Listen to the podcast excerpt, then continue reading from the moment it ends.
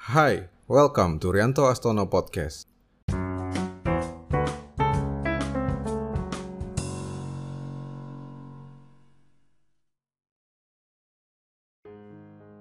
Jika tiba waktunya bagi saya untuk menilai seseorang, saya selalu punya cara yang mudah untuk memahami manusia. Untuk melakukannya, kita dapat mengamati dari hal yang paling kecil terlebih dahulu. Sebab apabila hal-hal kecil saja tidak becus untuk dilakukan, terutama menyangkut komitmen dan konsistensi, maka sedikit sulit bagi seseorang untuk dapat menyelesaikan hal-hal yang besar, kecuali ketika ada dewi keberuntungan yang sedang datang. Ada sebuah pendapat yang mengatakan jika ingin mendapatkan sesuatu yang besar, maka lupakan hal-hal yang kecil atau detail-detail kecil, lupakan masalah-masalah kecil, kebiasaan-kebiasaan kecil. Terdengarnya sepertinya keren, tapi di telinga saya seperti kentut.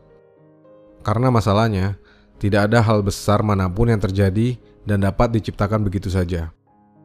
Di permukaan, sukses atau suatu hal memang terlihat sebagai sesuatu yang glamor, mewah, dan bahagia. Hanya masalahnya, kita kerap hanya melihat apa yang muncul di permukaan saja.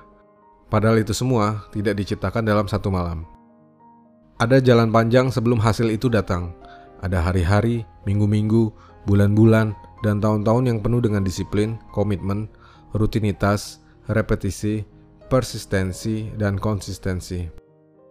Nah, semua itu dijelaskan dengan sangat baik dalam buku berjudul Atomic Habit karya James Clear. Salah satu quote paling penting dalam buku ini adalah, ancaman terbesar untuk sukses bukanlah kegagalan, melainkan rasa bosan, yang berarti kita boleh saja gagal, tapi tidak boleh bosan. Dalam hal ini, bosan untuk melakukan hal yang sama berulang-ulang, atau bosan untuk menjalani kebiasaan-kebiasaan kecil setiap waktu.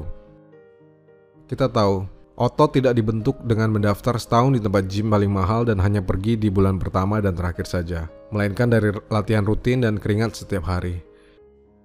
Keahlian seseorang tidak didapat dari sekolah paling hebat, kursus paling terkenal, atau buku paling langka, melainkan dari serangkaian pembelajaran, percobaan, kegagalan, evaluasi, dan pengorbanan.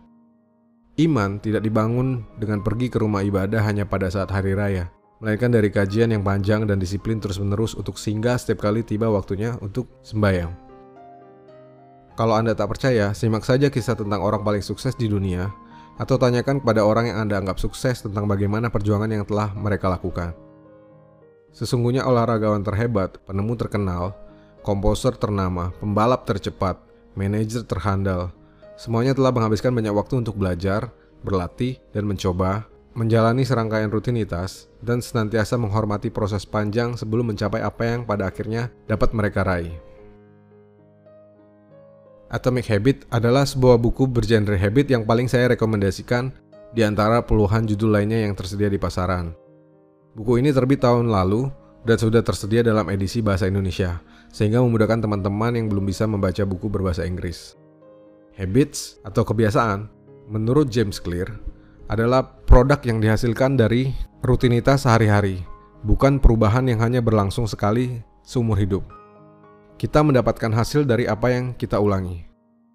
Buku ini terdiri dari 20 bab yang ditulis dengan struktur yang begitu rapi, dengan gaya bahasa yang sangat mudah untuk dicerna.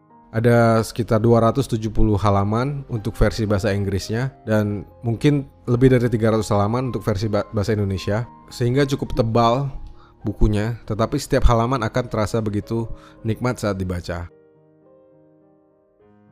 Di dalam buku, Anda akan melihat contoh-contoh praktis yang diceritakan di banyak bagian, dan kita dapat menirunya untuk diterapkan dalam hidup kita.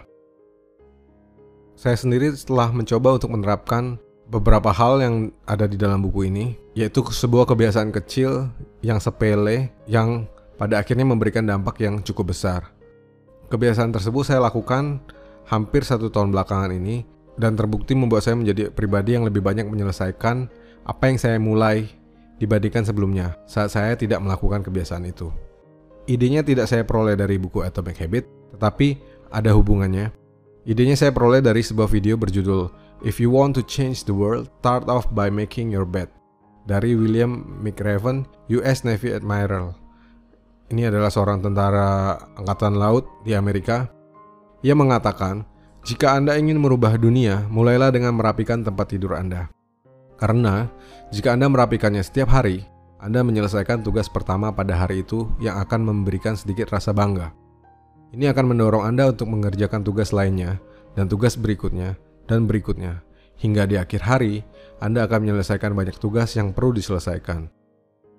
Merapikan tempat tidur, kebiasaan kecil ini yang tidak semua orang mau melakukannya atau tidak semua orang bisa melakukannya setiap hari, akan memperkuat fakta jika hal-hal kecil dalam kehidupan merupakan sesuatu yang penting.